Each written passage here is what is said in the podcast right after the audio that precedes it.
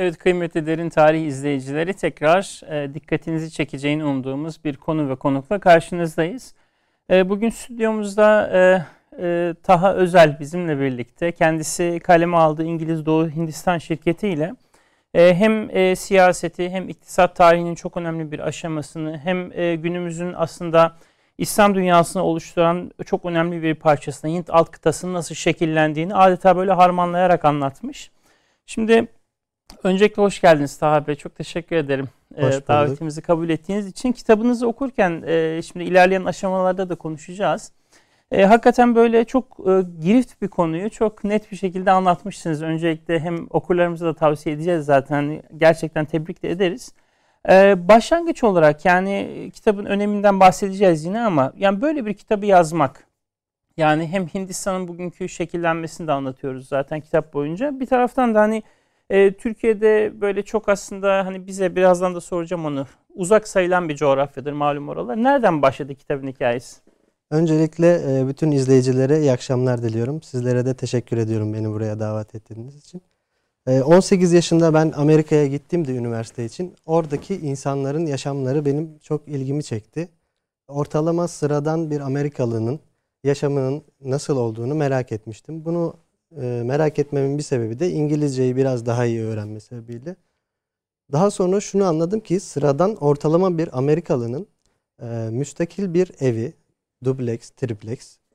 Evdeki her bir bireyin kendine özel arabası, her bir bireyin 18 yaşını geçmiş 4 bin, 5 bin, 6 bin dolarlık gelirinin olduğunu gördüm. Daha sonra diğer batı ülkelerine işte İngiltere'si, İspanya'sı, Almanya'sı bu ülkelere gezdiğimde onların sıradan insanının, ortalama vatandaşının çok zengin olduğunu, bizim ülkemizdeki zengin insanlarla onların ortalama vatandaşının aynı gelir seviyesine e, sahip olduğunu gördüm ve e, ülkeme döndüğümde şu soru geldi aklıma. Neden onlar zengin? Biz neden fakiriz? Bu sorunun cevabını e, vermek için kendi kendime dedim ki bu ülkeler yani bu durum onların zenginliği ve bizim fakirliğimiz bir anda olacak bir şey değildi. Ve 14. 15. yüzyıldan itibaren bu ülkelerin ekonomi tarihini yabancı kaynaklardan okumaya başladım. Ee, ve şunu gördüm. İngiltere, Hollanda, e, İspanya, Portekiz, Danimarka, Norveç tüm bu ülkelerin ilk zenginliğinin kıvılcım noktası ne diye baktığımız zaman Doğu Hindistan şirketinin olduğunu gördüm. İlk başta Doğu Hindistan şirketini tek bir şirket, tarihteki bir şirket olarak görmüştüm. Ancak durumun öyle olmadığını, bugün zengin olan bütün ülkelerin kendi Doğu Hindistan şirketlerinin olduğunu gördüm. Ve bu Doğu Hindistan şirketlerinden en önemlisinin Amerika Birleşik Devletleri'ni günümüzün süper gücü, Amerika Birleşik Devletleri'nin kuruluşuna sebep olan, Büyük Britanya'nın kuruluşuna sebep olan,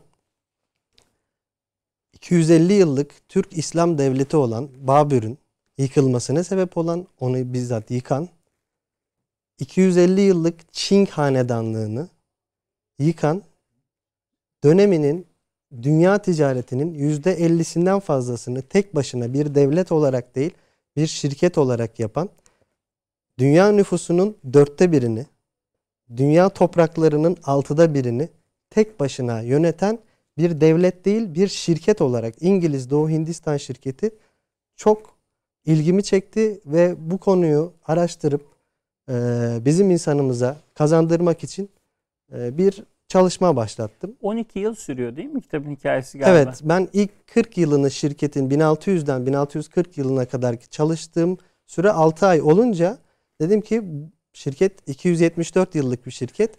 Acele etmemem lazım. Ee, bu konuda yabancı literatür çok geniş. Ee, aceleye de getirmedim ve bu şirketi özümseyerek e, anlatmaya çalıştım. Ama ben bir tarihçi değilim.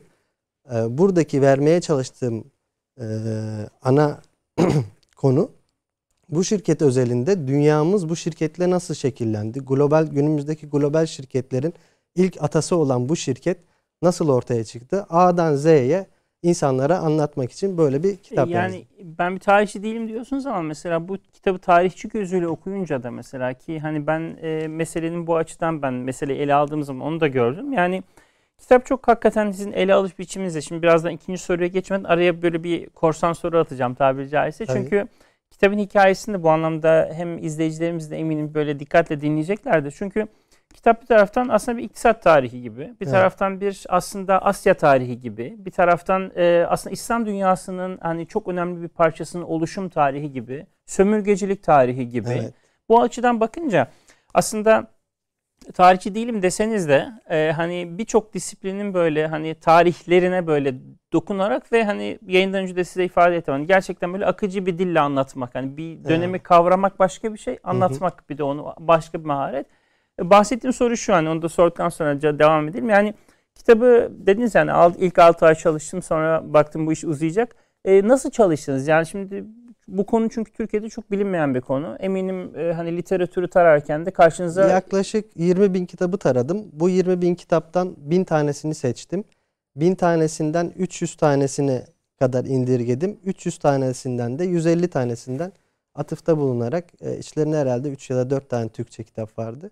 E, tamamen İngilizce kitaplardan e, bu kitabı oluşturabildim. yani 12 yılda e, Evet. bu, evet bu kitap sonuçta bütün o kitapların da aslında özünün özü gibi. Aynen. İngiliz Doğu Hindistan şirketinin bu kadar önemli olduğunu bir yandan da şuradan kontrol ettim.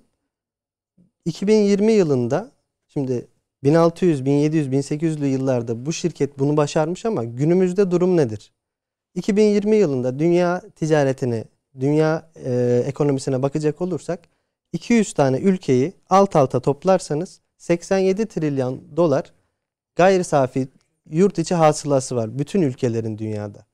Daha sonra Fortune Global 500'ü açtım. Oradaki en büyük e, 500 dünya şirketinin sıralamasını yaptığım zaman da bunların 33 trilyon dolar oluşturduğunu gördüm. Yani bütün dünya 87 dolar.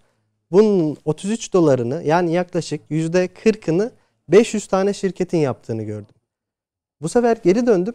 İngiliz Doğu Hindistan şirketi tek başına bu günümüzdeki 500 şirketten daha fazla hatta iki katı iş dünyadaki geliri ortaya çıkarttığını ve ülkeleri yönettiğini görünce bu konunun çok önemli olduğunu ve Türkiye'de bu konuyla alakalı bir çalışma olmadığı için bu konuda kendime bir görev üstlendim diyebilirim. Evet hakikaten de bu arada ben de kitabın 3. baskısı şu anda 6. baskıya Evet, gidiyor? altıncı evet, baskıya Hızlı bir gidiyoruz. şekilde yani kitabın gördüğü rağbet de aslında ne kadar önemli bir noktaya değindiğini e, gösteriyor. Evet. E, İkinci soruya geçeceğim. E, kitap e, 1600-1874 yılları arasında e, İngiliz Doğu Hindistan şirketinin aslında serencamını anlatıyor. Şimdi e, biz tabii tarihe böyle Osmanlı merkezci, hani coğrafyanın merkezi itibariyle baktığımız zaman, baktığımız için e, biraz böyle hani o dönem hem e, ilgimizin hem de bilgimizin dışında kalıyor.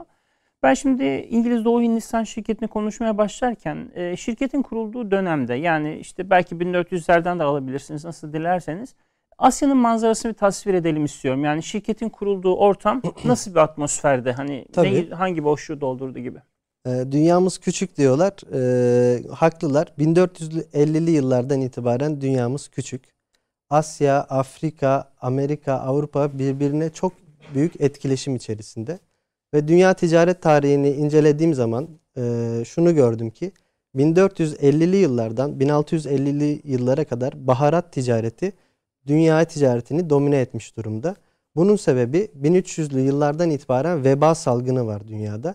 Ve bu veba salgınından dolayı insanların günümüzdeki bir ilaç endüstrisi olmadığı için bu baharatlar günümüzde hani baharat nedir? Karabiber, tuz dediğimiz şey o zamanların ilaç sektörü. Ve baharatınız yoksa ölü bir milletsiniz. Aşı gibi mesela. Aşı gibi de söyleyebiliriz. Evet. Ee, 1650 yılından e, 1750 yılına kadar hatta 1850 yılına kadar pamuklu tekstil ürünlerinin dünya ticaretinde çok önemli olduğunu görüyoruz. Ee, 1450-1850 arasında diğer commodity dediğimiz ürünler de var. İşte şeker ticareti, köle ticareti, e, daha sonra çay ticareti bunlar da çok etkili oluyor. Ve 1850'li yıllardan itibaren artık petrol ticareti çok fazla önde ve şu anla işte 2020'li yıllara geldiğimizde petrol yavaş yavaş etkisini yitiriyor. Ancak günümüzde de elektronik ürünler, her türlü elektronik ürünü düşünün. Günümüzde elektronik ürünlerin e, ticaretini ele geçiren yani teknolojiyi ele geçiren büyük dev şirketler aynı zamanda günümüzde de karar verici konumda olmuş oluyorlar. Aslında soru içine bir soru soracağım bir parantez açarak. Yani şöyle bir şey söyleyebiliriz o zaman. Yani e, uluslararası ticaretteki o en fazla rağbet gören şeyi ele geçiren kimse Evet. sonuçta karar mekanizmalarında etkili oluyor galiba. İnsanların hayatında şimdi baharat olmazsa ölüsün. O zaman baharata sen inanılmaz marjlar ödemek zorundasın. Yoksa ölüsün, yoksun yani. Evet. Bu yüzden baharatlarda bir siyasi kar marjı, politik kar marjı var. Evet. Ee, ülkeler baharatların ticaretini ele geçiriyorlar ve büyük karlar elde ediyor. Daha sonra bu pamuklu tekstil ürünlerinde bu şekilde oluyor. Ee, çünkü pamuklu ürünler iç çamaşırı olarak insanlar kullanılıyor. Ee, yıkaması çok kolay, e, giyimi çok rahat. Bu yüzden insanlar pamuklu ürünleri almazsa olmazsa olmaz oluyor ve bunlara çok büyük paralar ödemeye razı geliyorlar. Günümüzde de elektronik eşyalar da böyle. İşte hepimizin bilgisayarları var, hepimizin cep telefonları var, ee, nükleer tesisler var, var. Yani çok fazla elektronik ürüne e, muhtacız. Bunlar olmadan şu anda yaşamıyoruz. Bu ürünlerin ticaretini ele geçiren şirketler günümüzde de aynı 500 yıl önce olduğu gibi e, hakimler ve sorduğunuz soruya gelecek olursak bu girizgahtan sonra Hı hı. 1450'li yıllarda Portekizliler ve İspanyollar 700 yıl boyunca Emevilerden eee, çekmişler ve onlarla bir varlık, varoluş, yok oluş savaşı vermişler. Eee, baharatları en pahalı alan iki ülke Portekizliler ve İngilizler. Neden? Örnekle açıklayacak olursam Endonezya adalarında bu baharatlar yetişiyor en çok. O, kaynak olarak, olarak orası. Ve Avrupa'da e, coğrafi şartlarından, tarım şartlarından dolayı bu baharatlar yetiştirilemiyor. Ve baharatlar olmazsa da ölüler. Ve bunları almak zorunda kalıyorlar. Endonezya adalarında bir sterline örnek olarak veriyorum bu rakamı. E, mal olan ürünler sırasıyla Hindistan, İran, Osmanlı coğrafyası, İtalya, Almanya üzerinden İngiltere ve kuzey ülkelerine giderken e, aynı zamanda İtalya'dan da İspanya, Fransa üzerinden İspanya'ya gidiyor. Şimdi bu yolculukta bir kere çok uzun bir yolculuk. 2 sene, 3 sene, 4 sene ilk baharatın yetiştiği yerden yeşil ürünün kara bir şekilde şeye gelişi 2-3 sene alıyor. Ve bu 2-3 sene içerisinde ilk malı Hindistan'a satan tüccar bir kar koyuyor. Lojistik masrafı var. Ee, ondan sonra devlet vergi koyuyor. E sonra İran, Osmanlı vesaire bu şekilde gittiği zaman bir sterline mal olan ürünün aynı değerde, aynı miktardasını Portekizli bin sterline almış oluyor. Ve sürekli yıllar içerisinde bu gelir kaybından dolayı ülke fakirleşiyor ve fakir bir ülkenin askeri gücü de zayıflıyor. Portekizler bunu görüyorlar ve diyorlar ki biz baharat ticaretini yapmazsak dünya sahnesinden silineceğiz. Ya dünya sahnesinden silineceğiz ya da Portekiz Doğu Hindistan şirketini kurmak Yani durumunda Kaynağa kalacağız. gitmek ve oraya el koymak şeklinde. Aynen. Portekizler bunu yapıyorlar. Aynısını Hollandalılar, aynısını İngilizler de bu şekilde yapıyorlar.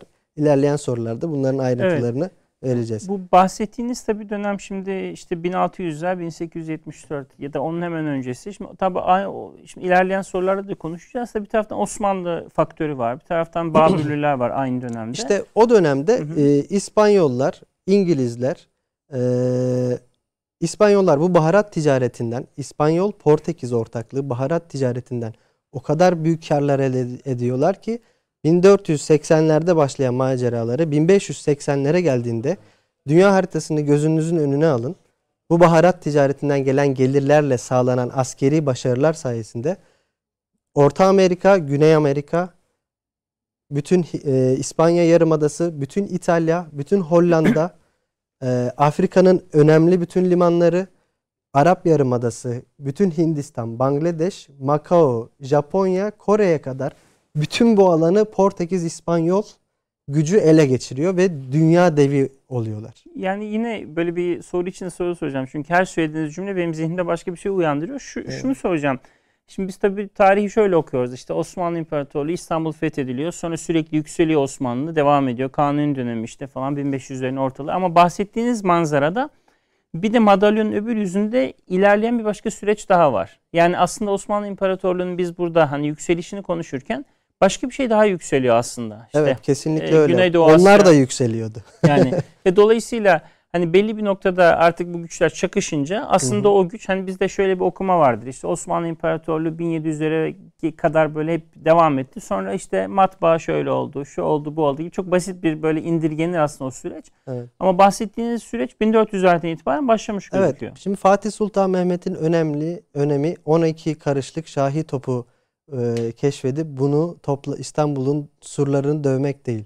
Fatih Sultan Mehmet'in e, onu cihan hükümdarı yapmasının en önemli özelliği dünya ticaretinin gidişatını çözmüş olması ve o zaman amansız bir şekilde Venediklilerle ve Cenevizlilerle savaşıyor. Evet. Ve Venedik ve Cenevizlilerle savaşmasının sebebi baharatlar ve köle ticareti.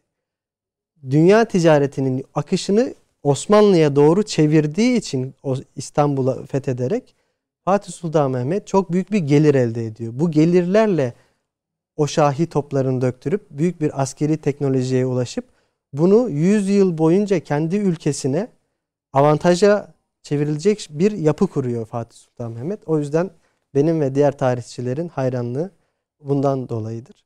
Evet. Ee, 1600'lü yıllara gelindiğinde Hollanda e, Portekiz İstam, İspanyol İmparatorluğu çok büyük bir coğrafyaya yayılmıştı.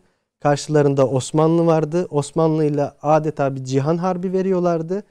Ee, Hindistan'a baktığımızda Türk İslam İmparatorluğu olan Babürlüler çok büyük bir etkiyle e, Hindistan'a hakimdi. Çin'e baktığımızda Çin hanedanlığı vardı. Kendi içine kapanıktı ama dönemin şartlarında dünya ticaretinin %25'ine hakim olan bir Çin vardı.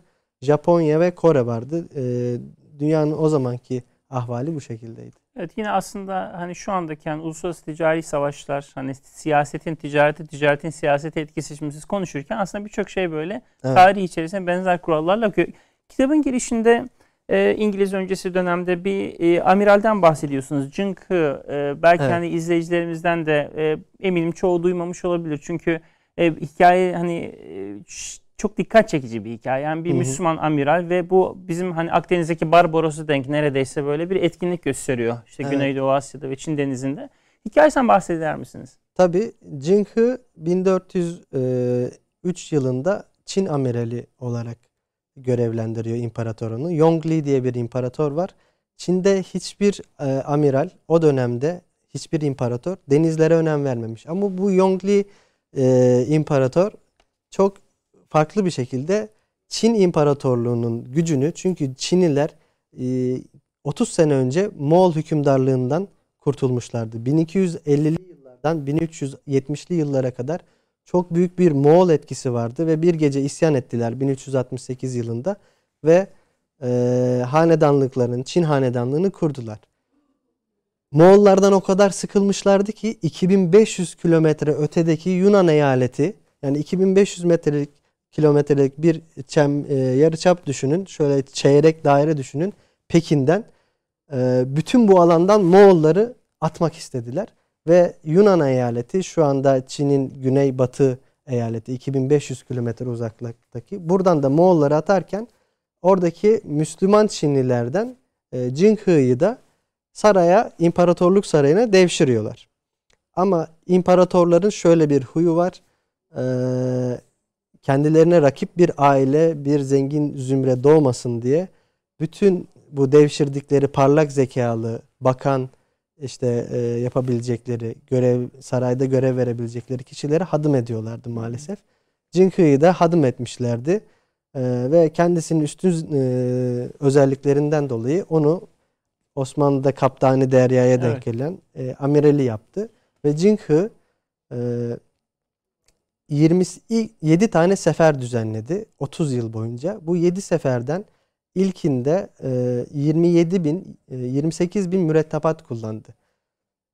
Ve 270 tane gemisi vardı ilk seferde. Nasıl bir güzergah takip ediyor? Nerelere gidiyor? Ee, Güney Çin, Hindistan, e, Arap Yarımadası, Doğu Afrika hatta bu kanıtlanmış olmadığı için e, çok söylemeyi tercih etmiyorum ama sizin programınıza özel söyleyeyim. Amerika'ya da gittiği rivayet ediliyor. Evet. Ama e, kanıtlanmış tarihsel açıdan gittiği yerler bu saydığım coğrafya. Yani tam da Portekizlilerin e, Yongli ve Jingh'ın macerası 1410'larda başlıyor. Ama Portekizler onlardan 70-80 sene sonra sadece 4 gemiyle başlıyorlar kendi maceralarına ama Jingh'ın 270 gemisi 28 bin mürettebatı var. Yani e, birisi kayıksa ötekisi e, çok büyük bir gemi diyebiliriz. Bu kadar arada fark var ve Çin imparatorlarının bu donanmasına ancak Birinci Dünya Savaşı'nın döneminde ulaşabiliyor diğer rakipleri. Çok büyük bir güçle gidiyorlar ama Çinliler de e, biz her yeri sömürelim, buraları ele geçirelim. Böyle bir şey yok. Tek amaçları biz kurulduk, Çin hanedanıyız ve siz bize gelin, e, diplomatik olarak bizi tanıyın, ilişkilerimiz güçlensin. Bu, bu amaçla e, bu seferler yapılıyor. Ancak saray oyunları Çinlilerde biliyorsunuz evet. meşhurdur. E, Yongli öldükten sonra Jinghe'yi de e, indiriyorlar görevinden. Ancak Jinghe şu an Çin'de e, onların Marco Polo'su diyebilirim yani. O kadar önemli, çok saygı gören bir komutan. Müslüman e, değil mi? Kendisi Müslüman, babası hacca gitmiş. E, kendisi de Müslüman olduğu için e, bu da bize bir gurur mu veriyor? Hatta bazı iddialara göre işte babasının Seyit olduğu iddiaları falan da okudum ben. Hani bilmiyorum ne kadar e, hani Doğrudur. şey olarak. Yani bu yönüyle de ilginç hani böyle o dönemde bir hani Müslüman amiralin ta Aynen. Barbaroslardan falan hepsinden önce.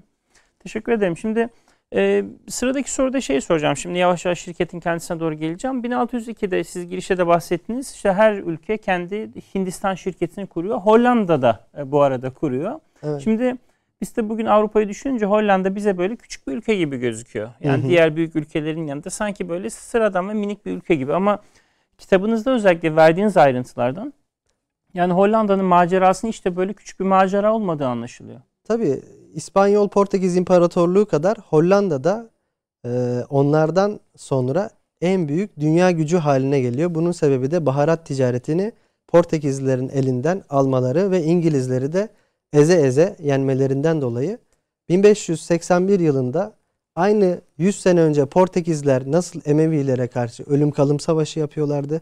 Baharat ticaretini ya ele geçireceğiz ya da öleceğiz. Hollandalılar da yine ölüm kalım savaşı verdiler. Zaten e, İspanyollar onları e, fethetmişti. Ve Hollanda'nın özelliği şu, çok zenginler. Antwerp, efendim e, Amsterdam limanları Baltık ülkeleriyle Avrupa'nın e, geçiş kapısı olduğu için ve e, Amerika kıtasıyla da büyük bir ticaret döndüğü için Hollanda'da çok para vardı. Sadece bağımsız değillerdi. Ayrıca protestanlardı. Katoliklerden de nefret ediyorlardı. Kendilerinin Katolik bir ülkenin yönetmesini istemiyorlardı. Ee, ve isyan ettiler. Prens e, Maurice diye onların Atatürk'ü diyebileceğimiz bir kişi e, onlara bağımsızlığını kazandırdı. Ve çok büyük bir sermaye ile kendi Hollanda Doğu Hindistan şirketlerini kurup baharat ticareti yaptılar. Ee, burada karşılaştırma yapacak olursak İngiliz Doğu Hindistan şirketi 68 bin sterlinle kurulmuştu. 218 tane Kobi tarafından günümüzde ki orta ölçekli İngiliz kobilerinin kurduğu 218 tane yatırımcı 68 bin sterlin toplayabilmişti. Hollanda Doğu Hindistan şirketi aynı senede 550 bin sterlin yaklaşık 9 katı ve 1800 yatırımcıyla kurmuştu. Yani hem yatırımcı sayısında hem de parasal miktarda 10 katı büyüklükte başladıkları için. Bu sermayenin kaynağı ne peki? Kobiler. Hı, yani şöyle gelişiyor olay. İlk başta bireysel yatırımcılar Hindistan'a seferler düzenliyorlar. Tek gemi, tek yatırımcı. Düşünün şu an aklınız alıyor mu? Tahtadan bir gemi, yelkenli Hollanda'dan bugün çıkacak ve Endonezya'ya gidecek. Endonezya'ya gidecek. Yani e, sonuçta Afrika'nın güneyini dolaşarak. Aynen. 500 tonluk bir gemiden bahsediyoruz. Yani bunun e, başına var. bir şey gelmeme ihtimali o kadar az ki. Evet. Ama böyle bir ihtimali bile siz masaya koyup e, ticari olarak Risk riskleri aldım. azalttığınız zaman işte böyle cihan imparatorlukları kurabiliyorsunuz. Evet. Hol, Portekiz Doğu Hindistan şirketi, İspanyol, e, Hollanda, İngiliz hep bu şekilde e, kendi global şirketlerini kurmuşlardı. Bugün de bizim ülke olarak sadece bizim değil e, gelişme iddiasında olan her ülkenin kurması gerektiği gibi kendi uluslararası şirketlerini kurmuşlardı. Evet. Şimdi tam şeye geleceğim. Hin, İngiliz Doğu Hindistan şirketin kendisine e, 1600 yılında kuruluyor. Tabii siz kitabınızda bir şey diyorsunuz. E, şirketin özellikle ekonomik başarısının onun yapısından kaynaklandığından bahsediyorsunuz. Şirketin en önemli iki noktası evet. var. Birincisi yöneticileriyle hissedarları ayrı. Günümüzdeki global şirketlere işte borsalarda hissesinin alınıp satıldığı şirketlerin aynı yapısını ilk defa İngiliz Doğu Hindistan şirketi keşfediyor. Ve şirket benim kardeşim ben ne dersem o tarzında değil. Şirketin hissedarları her sene genel kurul yapıyor ve liyakatlı, işini çok iyi bilen yönetim kurulunu seçiyor. Yönetim kuruluna ayrıca bir denetleme kurulu seçiliyor. Bu şekilde şirketin her adımı güven diye bir şey yok. İngilizler kendi birbirlerine de güvenmiyorlar. Denetli, denetleyerek, denetleye denetleye, yoğurdu üfleye üfleye e, büyük sermayeler toplayarak e, kendi Doğu Hindistan şirketlerini kuruyorlar. Bu birincisi. İkinci önemli nokta da hisse sistemini geliştirmeleri. Hollanda Doğu Hindistan şirketinden hisse sistemini alıyorlar ama bunu inovasyon dediğimiz yöntemle geliştire geliştire gidiyorlar. Yani burada ne demek istiyorum? Graham Bell'in icat ettiği telefonla bugün önümüzdeki cep telefonu ikisi de telefon ama çok ayrı noktalardılar. Hollandalılar hisse sistemini icat etmişlerdi ama İngilizler 1600 ile 1650 yılları arasında bu hisse sistemini 3 ayrı sistemde geliştirdiler ve en sonunda mükemmelleştirilerek günümüzdeki borsadaki kote olmuş şirketlerin hissesi haline getirdiler.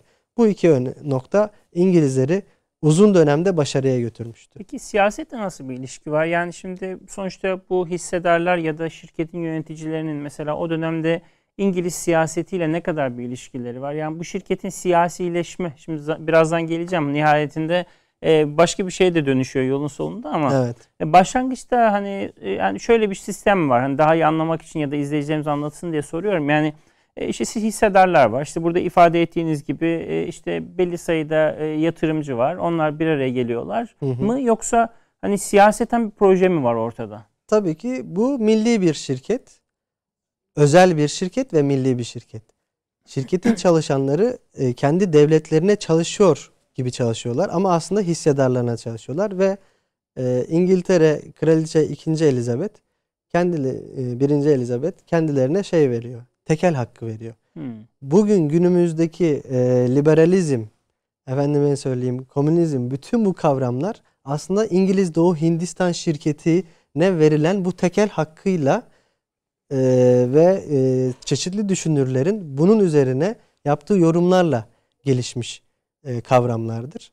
E, John Stuart Mill'ler, efendime söyleyeyim birçok e, Edmund Burke'ler, e, birçok düşünür aslında şirketin çalışanı veya şirketi kıyasıya eleştiren e, düşünürlerdir. Adam Smith, Karl Marx. Ben bunların hepsine kitapta ayrıntılarla evet. yer verdim. Asıl buradaki önemli nokta tekel hakkını vermesi.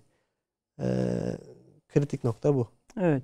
E, şey var bir de bu e, şimdi başta da konuştuk. Şimdi İngilizler diyorlar ki orada olmalıyız. Orada olmalıyız dedikleri yerde nihayetinde o dönemde şimdi yol üzerinde Osmanlı var. Hı hı. Arada Safeviler var. Evet. Babürler var. Nihayetinde bütün bu gittikleri coğrafyada İslam dünyasıyla çatışma şey de var. Sadece riski değil kesin yani. Hani. Hı hı. Çünkü yol üzerindeki büyük imparatorluklar hadi Osmanlı'yı bypass ediyorlar diyelim hani. Evet. Ama e, karaya çıktıkları yerde bir de Babürlüler var. Nasıl bir gelişme olmuş? Yani nasıl bir ilişki olmuş Babürlerle? 1600 ile 1750 yılları arasında şirket 150 sene boyunca sabrederek sadece bir istisna var arada. Büyük savaşlardan kesinlikle kaçınıyor. Diyor ki biz ticaretimizi yapacağız. Ticari olarak kendimizi geliştireceğiz. Önce kazanç sağlayacağız. Bu kazancı askeri mantıklı bir şekilde askeri güce çevirip e, savaşı savaşmadan kazanacağız. Yani şöyle bir şey mi var? Gidiyorlar Hindistan'a. Mesela diyelim ki e, işte Gücerat'a çıkıyorlar mesela. Evet. Dört tane gemi gidiyor. Ee, önemli limanlar belirliyorlar. Ee, çünkü büyük bir tecrübe daha önceden oluşmuş. Tabii. Her gittikleri limana bir tane müdür faktör bırakıyorlar. Faktör müdür demek. Factory, fabrika Hı. oradan geliyor günümüze. Gene bu İngiliz Doğu Hindistan şirketinden dolayı geliyor. Bir limana bir müdür ve gümüş bırakıyorlar. O müdür orada bir depo kiralıyor. O depoya e, yıl içerisinde sürekli ucuz malları depoluyor. Gemilerin bir sonraki seferinde ucuzdan aldığı çok kaliteli malları veriyorlar. E, ve karşılığında yine gümüş alıyorlar ve daha çok para alıyorlar. Bu şekilde paralarını katlaya katlaya katlaya katlaya her bir limanda bunu siz 150 sene boyunca yaptığınızda çok büyük bir zenginliğe ulaşıyorsunuz. Evet. Ee, ve savaşlardan sürekli kaçınmış. Peki Babürlülerle bu sefer ben sorayım Evet. kendime. Babürlülerle ilişkileri nasıl oluyor? Hindistan 2500 yıllık bir medeniyet onlar oraya gittiklerinde. Binlerce din var, binlerce etnik ırktan insan var. Ee, Babürlüler önce hoşgörü politikası, sonra hoş görmeme politikası uyguluyorlar. Ee, İngilizler, e, Fransızlar, Hollandalılar, Danimarkalılar, birçok Avrupalı güç o zaman Hindistan'da bu ticareti yapmaya çalışıyorlar. Ee, Babür İmparatorluğu için bunlar sıradan diğerleri gibi bir etnik şey. Ama 1600'lü yıllardan 1650'li yıllara geldiğimizde artık eee, şunu şöyle bir politika uyguluyor Babürlüler.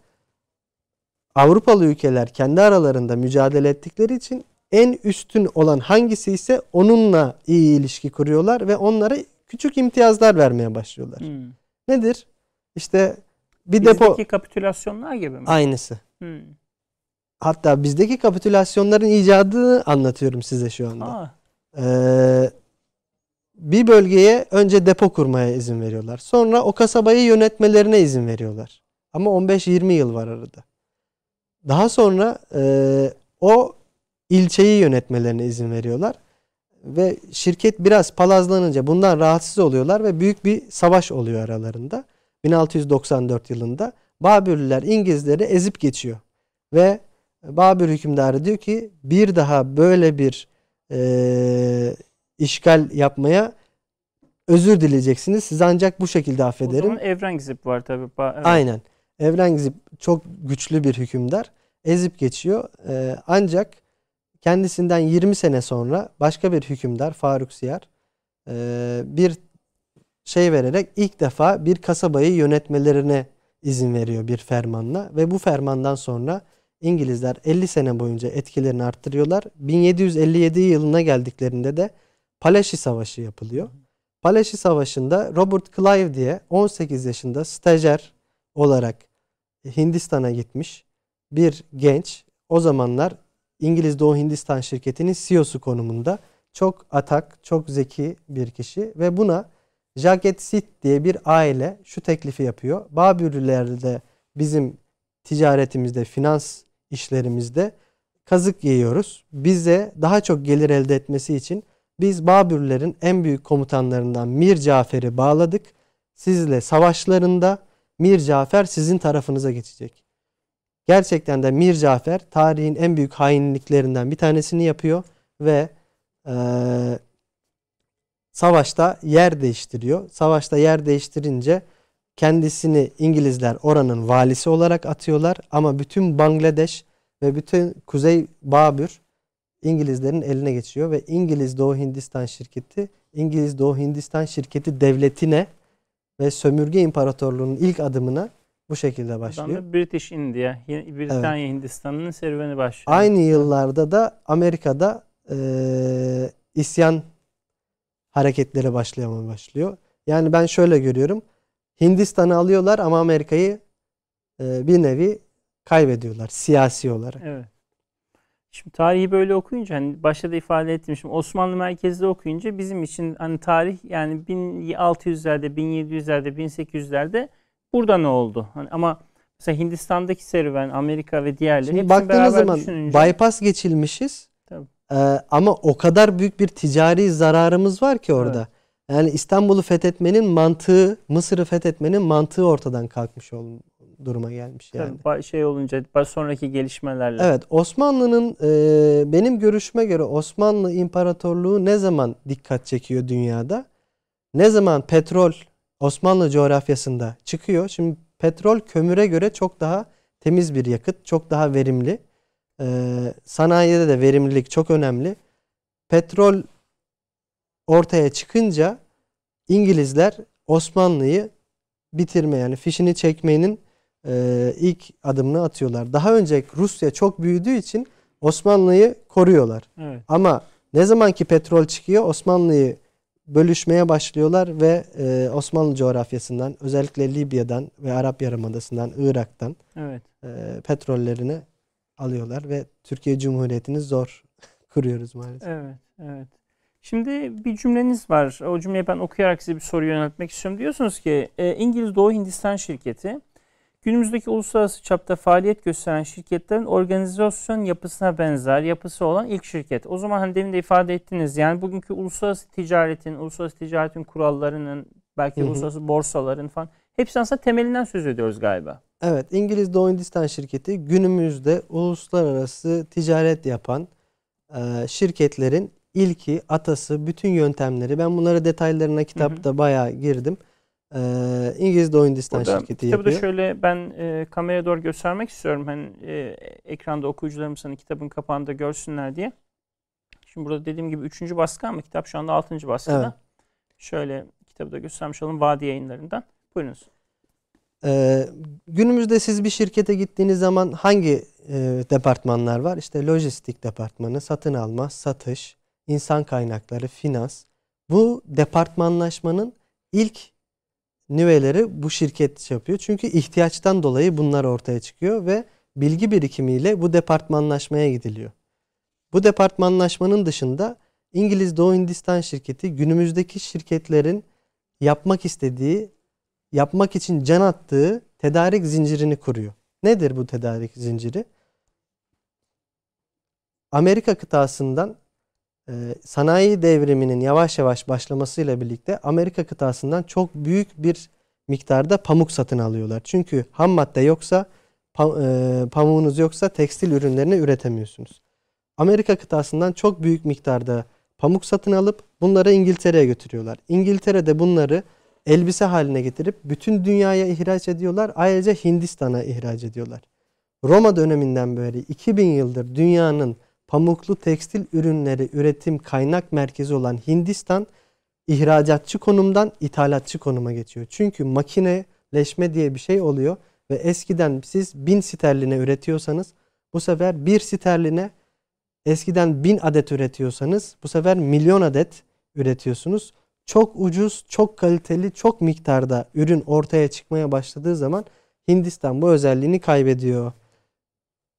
Ne dedik? Pamukları İngiltere'ye getiriyor. İngiltere'de bunları e, elbise haline getiriyor. Bütün dünyaya ihraç ediyor. Hindistan'a getiriyor. Hindistan'ı zaten 1750-1800 arasında bütün Hindistan'ı fethediyor. Ve burada e, toprak gelirleri, vergi gelirleri ve tekstil ürünlerinden ve diğer ürünlerden elde ettiği bütün gelirlerle afyon ekiyorlar. Hı hı. Şimdi Çin'le ticaretlerine başlıyorlar. Amerika Birleşik Devletleri neden kurulmuştu?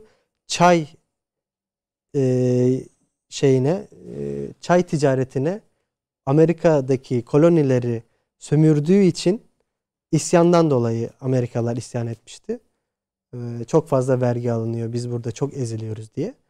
Ee, Çin'e Çin'den de çay alıyorlar ama Çin'e satabilecekleri bir şey yok. Çünkü Çin'de porselen var, gıda var, pirinç var, her şey var Çinlilerde. Ama ilk defa Çinlilerin talep ettiği bir ürün icat ediyorlar. Yaklaşık 1780'li yıllarda afyon. Ee, Yani bildiğimiz afyon mu? bildiğimiz afyon, kafa çekile afyon. Yani onu Çinliler için talep ediyor? Hani Çünkü içmeyi seviyorlar. yok yok e, hani dönem- Nargilelerde. ha yani şey olarak bizdeki enfiye tarzı böyle bir keyif maddesi olarak. Tabii tabii. Hı. e, keyif maddesi olarak bunu e, kullanıyor. Bütün Çin'in üçte biri nüfusun eserkeş oluyor. E, bütün ordu dağılıyor.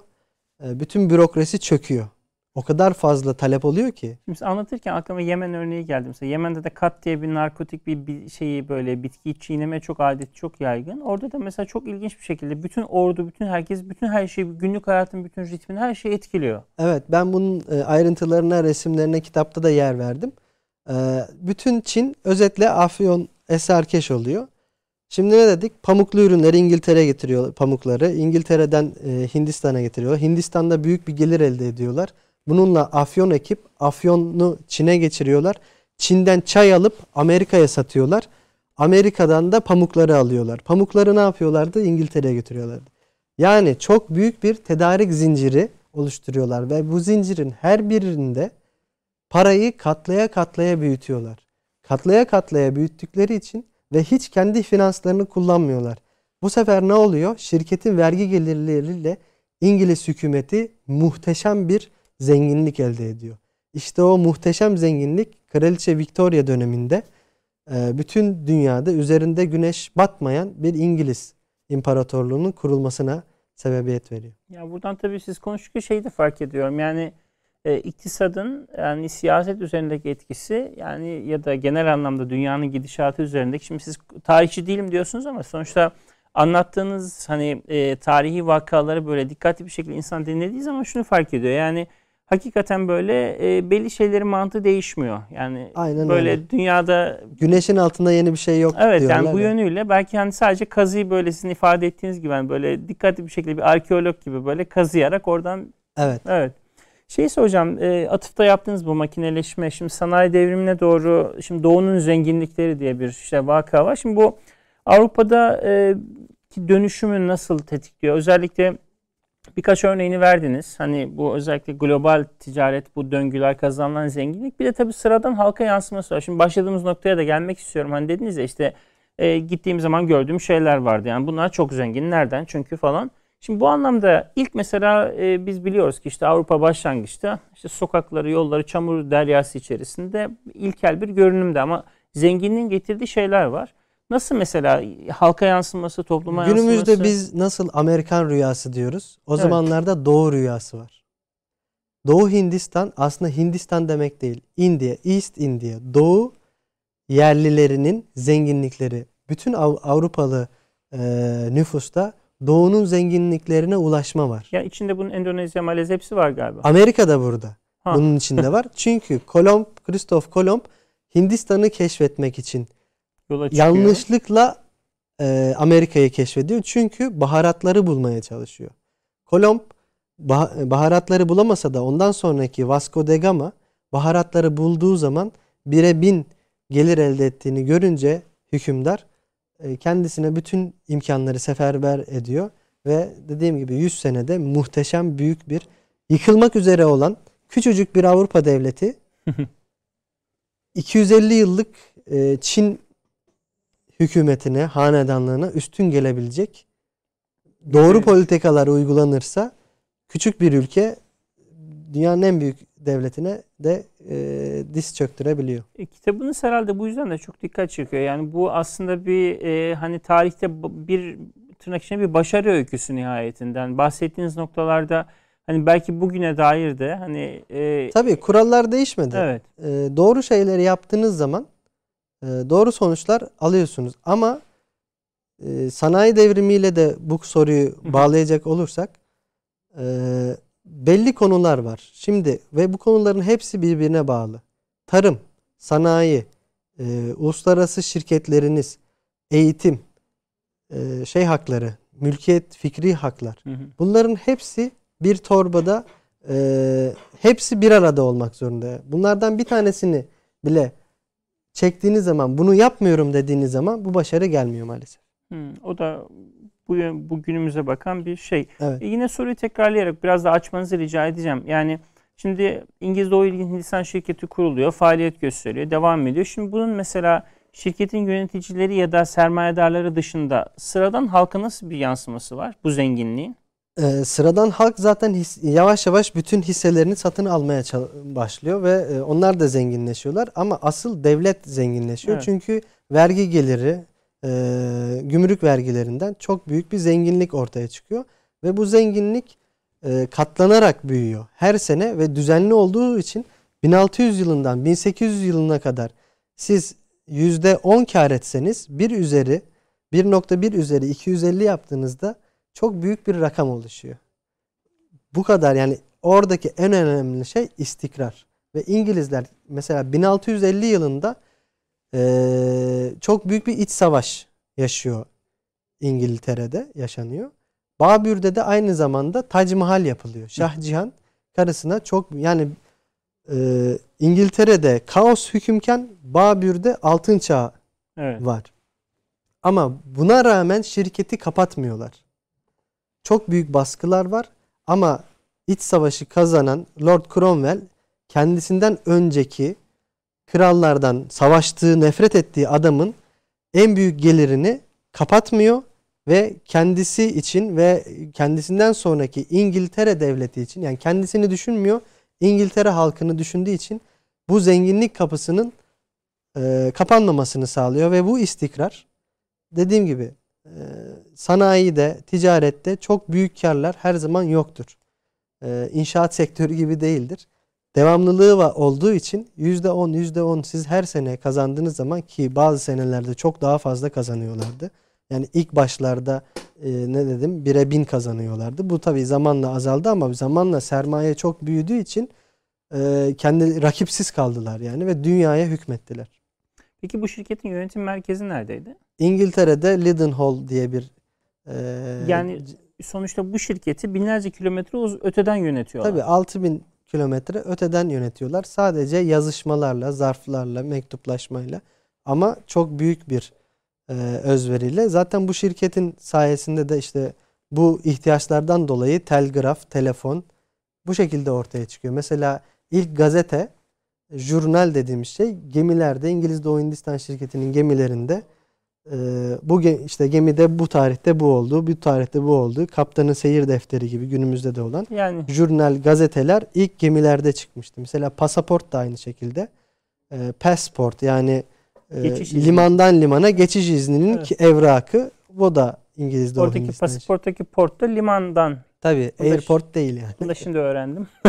Yok airport olmadı belli ama hani direkt olarak hani İngiliz Doğu Hindistan şirketiyle ilişkisi olması enteresan bir bilgi. o zamanlarda genel bir kural bu. Yani hangi ülkeyi sömürdüyseniz o ülkeye başka ülkenin gemisi giremiyor.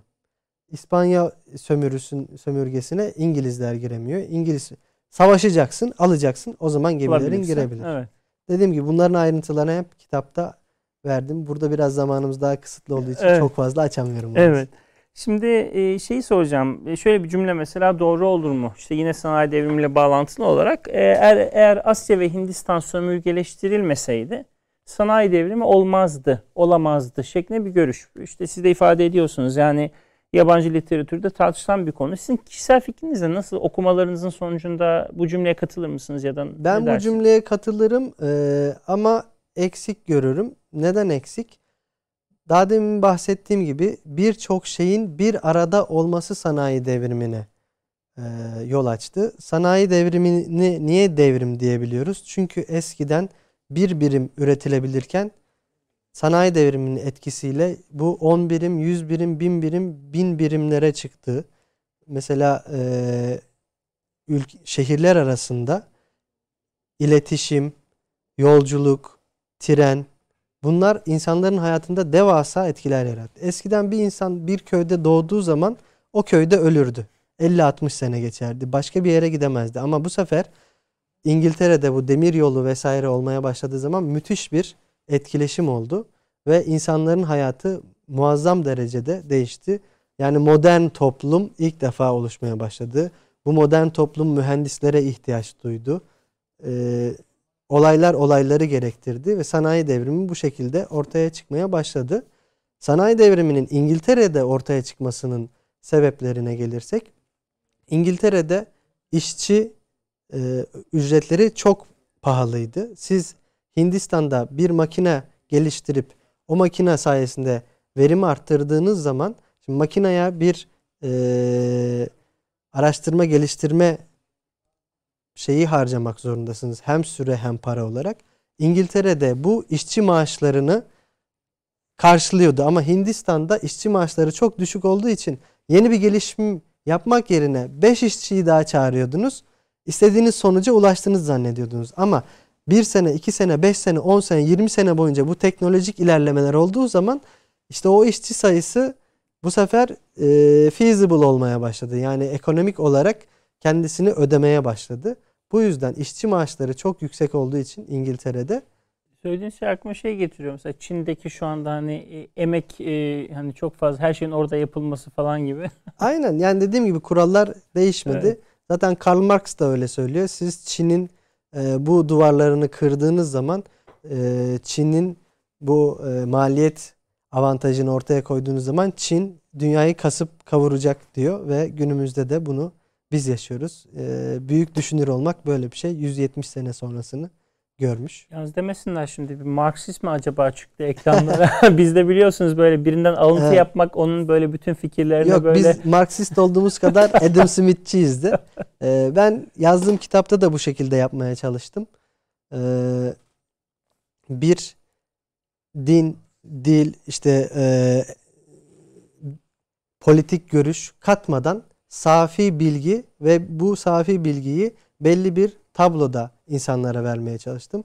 Bence bir akademisyenin e, yapması gereken de yönlendirme ve spekülasyon yapmadan olanı ortaya belli bir e, şekilde koymak ve insanların kendi yorumlarını yapabilmesine izin vermek. Zaten kitabınızda bu yöntemi zaten uyguladığınızın çok farklı örnekleri de var. Bir cümleniz var burada. e, bu özellikle... Sanayi devrimine devam edebilir Tabii miyim? tabii estağfurullah. Şimdi orada e, belli noktalar var. Çok önemli olduğu için söylemek istedim.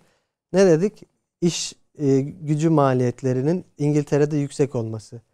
İngiltere'de zamanla odun bitiyor. İngiltere bir ada ülkesi olduğu için odun bittiği zaman kendi sanayilerini e, besleyecek bir enerji kaynağı bulamıyorlar ve kömüre yöneliyorlar. Ben bugün bu kömür onla İngilizlerin 300 sene önce kömürü bulmasını bizim bor hikayesine biraz benzetiyorum. Bizim de enerji kaynaklarımız yok. Biz de boru, yani ben mühendis değilim bilmiyorum. Boru bir enerji kaynağı olarak kullanabilirsek veya başka bir şey. ilgilenmiyorum hangisi olduğunu ama bir şeyi çünkü İngilizler o kadar sıkışmışlardı ki kömürü bu şekilde adeta icat ettiler. Çünkü kömür yatakları derinde olduğu için e, kömür çıkartmaya başladığınız zaman kömür çıkarttığınız yeri su basıyordu.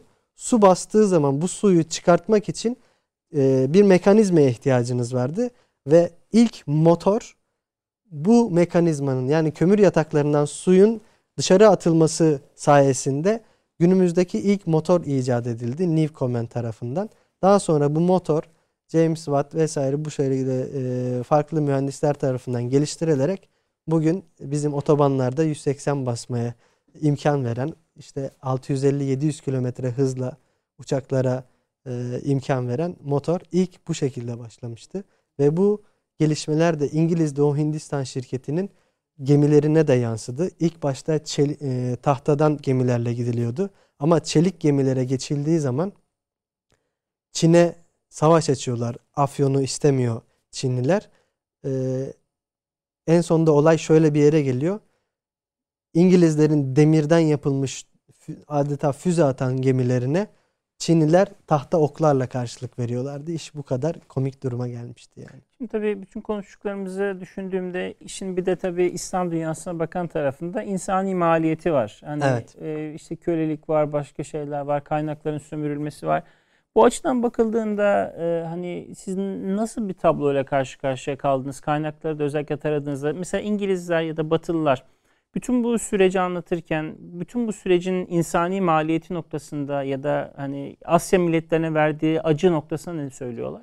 Bütün Hindistan tarihinde 34 büyük kıtlık var. Bunların bu 34 kıtlığın 17 tanesi 200 yıllık hatta 150 yıllık İngiliz hükümdarlığında oluyor. 17 tane büyük kıtlıkta 30 milyon Hintli ölüyor. Ee, o kadar fazla insan ölüyor ki zalim İngilizler bu Hintlileri sokaklardan parayla kilo başına satın alıp kendi gemilerinde yakacak olarak bile kullanıyorlar. İnsan bu kadar bu kadar zalimler. Evet. Ee, bu kıtlıkların yaşanmasının sebebi de oradaki tarımı bitirmelerinden dolayı. Mesela 5 rupilik bir maliyetle siz pirinç üretiyorsunuz. İngiliz Doğu Hindistan şirketi diyor ki 2 rupiye bana satacaksın. Gidiz, kendisi de gidiyor 10, 20, 30 neyse bu ücretlere başka yerde satıyor. Bütün ülkenin tarım ürünlerini e, maliyetlerinin yarısına belki de çok daha aşağısına satın alma zorunluluğu devlet kanunu olarak getiriyorlar.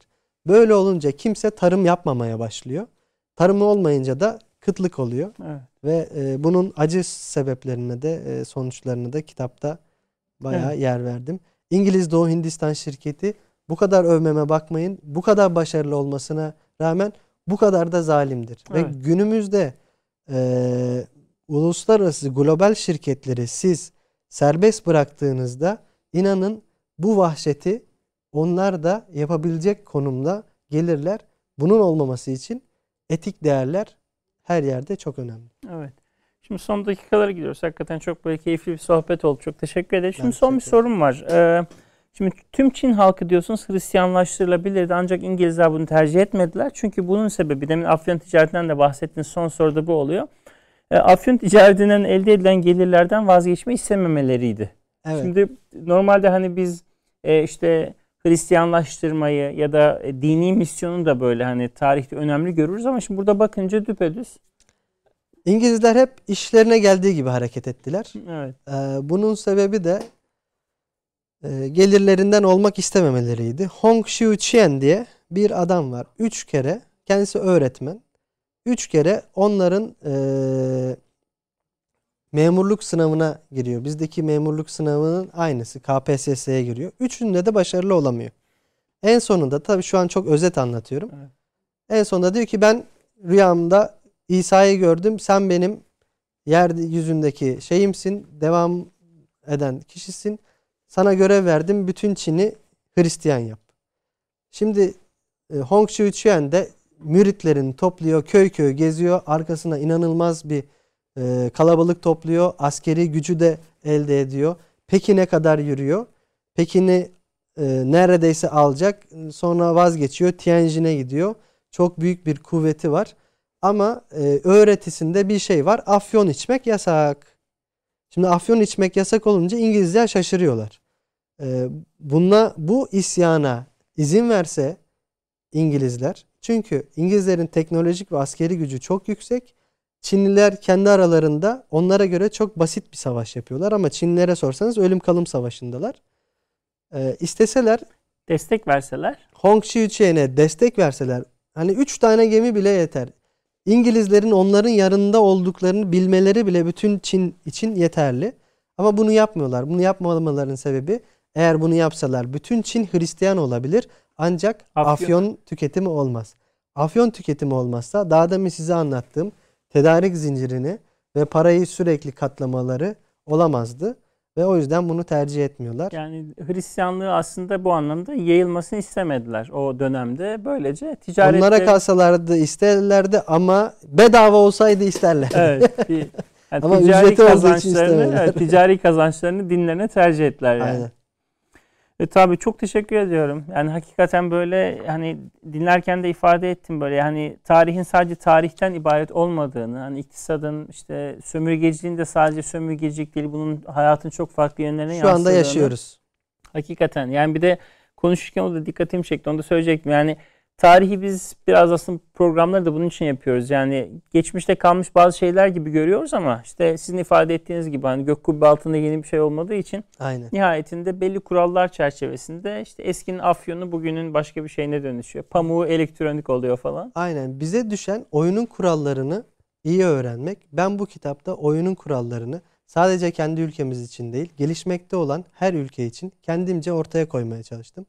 Daha demin bahsettiğim tarım, sanayi ve uluslararası şirketler olmazsa çok kurtuluş savaşları veririz ve her kurtuluş savaşında yeneceğiz diye bir şey yok. Evet. Ama oyunu kuralına göre oynarsak da belki bizim de bir gün üzerinde batmayan, güneş batmayan bir imparatorluğumuz, Evet çok bir şey devletimiz olabilir. evet, çok teşekkür ederiz. Çok Biz sağ olun. ederiz. Çok Katıldığınız sağ olun. için, vaktinizi ayırdığınız için. Bütün izleyicilere de iyi akşamlar diliyorum. Evet kıymetli izleyicilerimiz kısa bir araya gidiyoruz. Aradan sonra tekrar programımızın ikinci bölümünde beraberiz.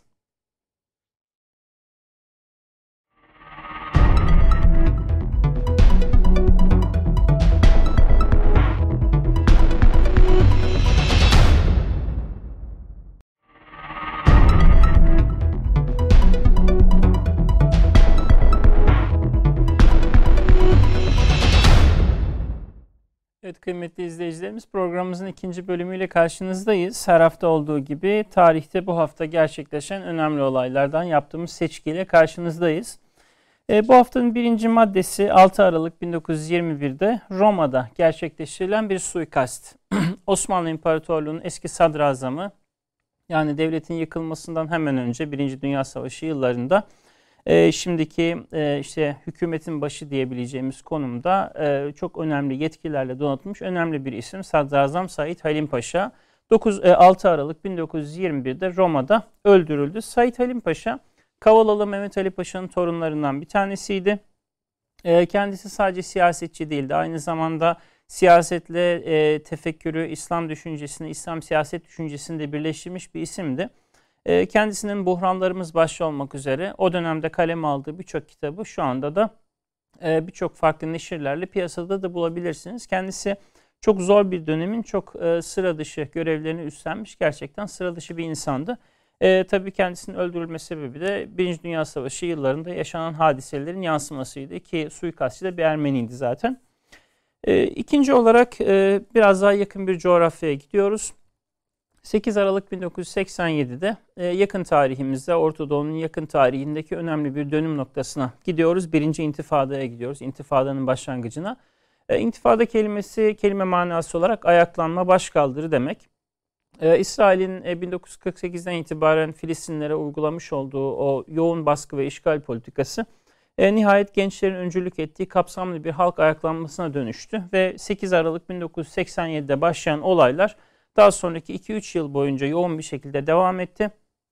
Ve birinci intifada aslında bir halkın e, toptan e, işgale karşı topyekun ayaklanmasıydı ve birinci intifadanın tabii ki en önemli sonucu da e, Hamas'ın yani e, açılımıyla söyleyecek olursak İslami Direniş Hareketi'nin e, kuruluşu oldu ki daha sonraki süreçte de 1987'de başlayan bu birinci intifadanın bütün sonuçları yaşanmaya devam etti. Günümüzde de hala intifada bir simge olarak e, tanklara karşı ellerinde sapan taşlarıyla Filistin'in çocuklarının direnişinin bir simgesi olarak hala zihinlerde yaşamaya devam ediyor. Üçüncü e, başlığımız bu hafta e, biraz doğrusu beni gülümseten bir başlık. 9 Aralık 1951'de bu defa İstanbul Şişli Camii'ne gidiyoruz. 9 Aralık 1951 günü İstanbul Şişli Camii'nde bir mevlüt okundu. E, mevlüt e, biliyorsunuz e, Peygamber Efendimiz için yazılmış e, güzel şiirler ifade eder ama bizim kültürümüzde biraz daha böyle dini bir tören havasında özellikle vefat eden ya da vefat etmesi beklenen ya da bir şekilde e, dini olarak da kendilerine kıymet verilen insanların arkasından düzenlenen genel bir töreni de anlatır. 9 Aralık 1951'de kendisi için mevlid okunan kişi bir Müslüman değil, bir Hristiyan. Arjantin'de o zamanın devlet başkanının eşi Eva Peron. Eva Peron için bir mevlid okunuyor İstanbul Şişli Camii'nde. E, Eva'ya şifa ver ya Rabbi eşliğinde, nidaları eşliğinde o dönemde ağır bir kanser rahatsızlığı geçiren Arjantin devlet başkanının eşi Eva Evita Peron için e, bir tane iş adamı Arjantin'de iş yaptığı dönemde o e, siyasal kültürün etkisi altında kalıp İstanbul'a dönüşünde Şişli Camii'de bu mevlütü okutuyor. Tabi dönem çok ciddi bir o dönemde tartışmalara yol açıyor bu mevlid. E, dönemin Diyanet İşleri Başkanı e, Eyüp Sabri Hayırlıoğlu'na mesele intikal ediyor. Yani bir Hristiyan hanım için mevlüt okunur mu? Ee, Eyüp Sabri Hayırlıoğlu da işte Tanrı'nın rahmeti herkes için şamildir demek durumunda kalıyor. Tabi Mevlid'den kısa bir süre sonra Eva Peron kanser hastalığı sebebiyle hayatını kaybediyor. Bu da e, bu topraklarda İslam dininin ya da dini inançların, geleneklerin nasıl anlaşıldığı ya da uygulandığı noktasında ilginç bir örnek olarak yakın tarihe geçiyor. E, şimdi 11 Aralık gününe geçiyoruz. 1917. E, yakın tarihin yine çok önemli bir dönüm noktası. 11 Aralık 1917 günü e, İngilizler e, Edmund Allenby e, liderliğinde İngiliz ordusu e, Kudüs'e giriş yaptı. Fotoğrafta da görüyorsunuz şu anda ekranımızda. E, Ed, Edmund Allenby e, Müslümanların El Halil kapısı dedikleri, Yahudilerin ve Batı dünyasının Yafa kapısı dedikleri kapıdan Kudüs'e giriş yaparak e, Kudüs'teki 401 yıllık Osmanlı hakimiyetini resmen sona erdirdi. E, tabii artık ondan sonra hiçbir şey eskisi gibi olmayacaktı. Evet ve özellikle de 401 yıl boyunca Kudüs'e hakim olan sükunet artık yerini kaosa ve kargaşaya terk edecekti. Bunu bir hamaset olarak söylemiyorum. Gerçekten de tarih boyunca Kudüs'ün huzur bulduğu dönemler e, Müslümanların şehirde hakimiyet kurduğu dönemler olmuş. Bu objektif olarak da tarih kaynaklarının söylediği bir şey. E, ve son olarak bu haftadan seçtiğimiz e, gündem maddemiz 5. sırada 12 Aralık 1925'te e, İran'da yeni bir dönemin başlangıcı Rıza Şah'ın Şah olarak resmen tahta çıkartılması ve Pehlevi yönetimini başlatması. Rıza Şah ilginç bir adam. Okuma yazması bile olmayan bir subay aslında. E, ve kendisi o dönemde Türkiye'de 1920'li yıllar 1930'ların ortasına kadar ve nihayet 1941'de e, iş başından resmen gönderilip İngilizler tarafından sürgüne gönderilinceye kadar ülkesinde e, tıpkı o dönemde Türkiye'de de uygulandığı gibi batılaşma hamlelerini hızlı bir şekilde uygulamaya koymuş. Fotoğrafları da görüyorsunuz. Köylerde e, kız çocukların başlarından örtüleri çıkartılıp yerlerine böyle kasketler oturtularak batılaşma tepeden böyle oldukça sert bir şekilde uygulanmaya çalışılmış. Tabii kendisinden sonra gelen oğlu Muhammed Rıza Pehlevi de bu üslubu sürdürünce malum bu sürtüşme daha sonra 1979'da İran'da yeni bir dönemin daha kapısını açacak ve bunun altyapısını da oluşturacak. Şimdi yine her hafta yaptığımız gibi bu e, işte bu hafta tarihte gerçekleşen olayların e, önemlilerini ya da bizim dikkatinizi çekmem, çekmek istediklerimizi seçtikten sunduktan sonra e, kitap tavsiyelerime geçeceğim. Yine e, kitapları seçerken e, yine kendi gündemimiz çerçevesinde hareket ediyoruz. Her zaman söylediğim gibi son çıkan kitaplar, çok satan kitaplar yerine kendi gündemimiz. E, birinci bu bağlamda seçtiğimiz kitap e, Yurtdışı Türkler Başkanlığı'nın e, yayınlamış olduğu oldukça önemli bir kitap. E, Bulgaristan Türklerinin Belene kampında yaşadıklarını anlatıyor. E, kitabın girişinde de ifade edildiği gibi e, 1980'lerde e, Bulgaristan Türklerinin soya dönüş adı altında e, karşılaştıkları kültürel ve fiziksel olarak soykırım ve katliamlar. E, benim de çocukluğumun hatıralarındandır. Belene kampına katılmış olanlar ya da oradan Türkiye'ye intikal edenler. O zaman Turgut Özal dönemi. Tabii şimdi kitabı tekrar böyle karıştırınca kitaptaki özellikle kampta yaşayan yaşayan insanların hatıraları, oradaki işkencenin boyutları ki kitap boyunca zaten e, kamptan kurtulmuş olan insanların oradaki şahitliklerine de fotoğraflarıyla birlikte yer verilmiş. O yüzden belgesel kitap diyebiliriz. Yurtdışı Türkler Başkanlığı Belen'e Ölüm için Yer Sert, Uçmak için Gök Uzak başlığıyla verilmiş. Birinci kitabımız bu. İkinci kitabımız Profesör Doktor Mehmet İpşirli. Mehmet İpşirli hocamız e, Derin Tarih dergimize de sık sıkla e, sıklıkla e, katkı yapan bir hocamız. Kendisi e, Osmanlı ilim tarihi konusunda Türkiye'deki en önemli otoritelerden bir tanesi. Bu kitabında Osmanlı ilmiyesini, ilmiye sınıfının kuruluşu, e, serencamı, kurumları, kişileri, önemli hareketleri, ekolleri oldukça güzel. Yani konuya ilgi duyanlar için e, bunu da bilhassa tavsiye ederiz. Kronik yayınlarından çıkmış bir kitap. E, üçüncü kitabımız daha önce de e, bir başkasına Hint e, havzası ile ilgili kitabı tanıtmıştık. Ketebe yayınlarının İslam Düşüncesi Havzaları isimli çok güzel bir serisi var. E, bu seride İslam coğrafyasının farklı yerlerindeki önemli ilmi ve kültürel havzalar tanıtılıyor. E, elimizde kitap yeni çıktı. E, Ketebe'nin aralık kitaplarından bir tanesi Şam Havzası 10. yüzyılda Dimaşk'ta ulema ve ilmi hayat. E, kitabı kaleme alan Ömer Elbeyli kendisi bir akademisyen aynı zamanda Suriye doğumlu. Yani bölgeden birisi ve e, bölgeyi de gerçekten e, kılcal damarlarına kadar tabiri caizse bilen bir isim. E, Şam'ın kültürel olarak, dini olarak 10. yüzyılda yani 900'lü yıllarda nasıl bir atmosfere sahip olduğu, Osmanlı öncesinde Şam'da hangi kurumların hangi süreçlerle ortaya çıktığı bununla ilgili gerçekten oldukça önemli bir kaynak ortaya konmuş. Dördüncü kaynağımız e, şu anda Yunus Emre Enstitüsü Beyrut Müdürü olarak görev yapmakta olan sevgili İbrahim Furkan Özdemir'in Kudüs yıllarında Kudüs Yunus Emre Enstitüsü Müdürlüğü görevini yürütürken e, ki e, çabalarının semeresi Kudüs'ün hazineleri üst başlığıyla mescitler. Kitapta tabi biz Kudüs dediğimiz zaman Mescid-i Aksa'yı sadece düşünürüz. Ama İbrahim Furkan Özdemir'in kitabında Kudüs'teki 40 e, civarında irili ufaklı mescitler sokak aralarında kalmış. Bazıları tek böyle tek başına küçücük bir oda şeklinde kalmış olan e, mescitlerin bazıları kapalı, bazıları İsrail tarafından karakola, işte depoya falan dönüştürülmüş. Hepsiyle ilgili bütün sur içindeki hazineleri teker teker derlemiş. Oldukça önemli arşiv niteliğinde bir çalışma bu da. Kudüs'ün e, mescitleri İbrahim Furkan Özdemir. Son olarak e, Muhammed Hanifi Köse'nin e, bir kitabını tanıtacağım. Direkt olarak bir tarih kitabı değil, bir deneme kitabı. Fakat tarih felsefesi adına, e, Müslümanların tarihte hangi rolü oynadı, oynadıkları adına, e, Müslümanların hangi iddialara sahip oldukları adına gerçekten çok önemli bir e, ufuk turuna çıkarıyor Muhammed Hanifi Köse bizi. Kitabın ön sözünden bir cümleyi okumak istiyorum. Çünkü hakikaten E, tarihte Müslümanlar neyin peşindelerdi? Bu kadar şey neden oldu? Bütün fetihler neden gerçekleşti? Onun böyle özeti niteliğinde. Diyor ki Muhammed e, Hanifi Köse, tarih Endülüs'ten Doğu Türkistan'a, Kırım'dan Yemen'e, hatta Güney Afrika'ya kadar bizim yaptıklarımızla onların yıktıklarının hikayesidir ve yaşananların özeti de budur. Gerçekten tarih böyledir ve bu hani bir hamasi bir ifade değildir somut olarak. Birinci bölümde e, röport, e, konuşmamız sırasında da şahit oldunuz. Evet bir takım ilerlemeler, gelişmeler yaşanıyor ama onun bir de insani bedeli var. Yapanlar ve yıkanlar arasındaki savaş. Evet kıymetli izleyicilerimiz programımız e, bugünlük de burada sona eriyor. Haftaya inşallah tekrar e, dikkatinizi çekeceğini umduğumuz konu ve konuklarla ve kitaplarla karşınızda olacağız. E, hayırlı günler, hayırlı haftalar dileriz.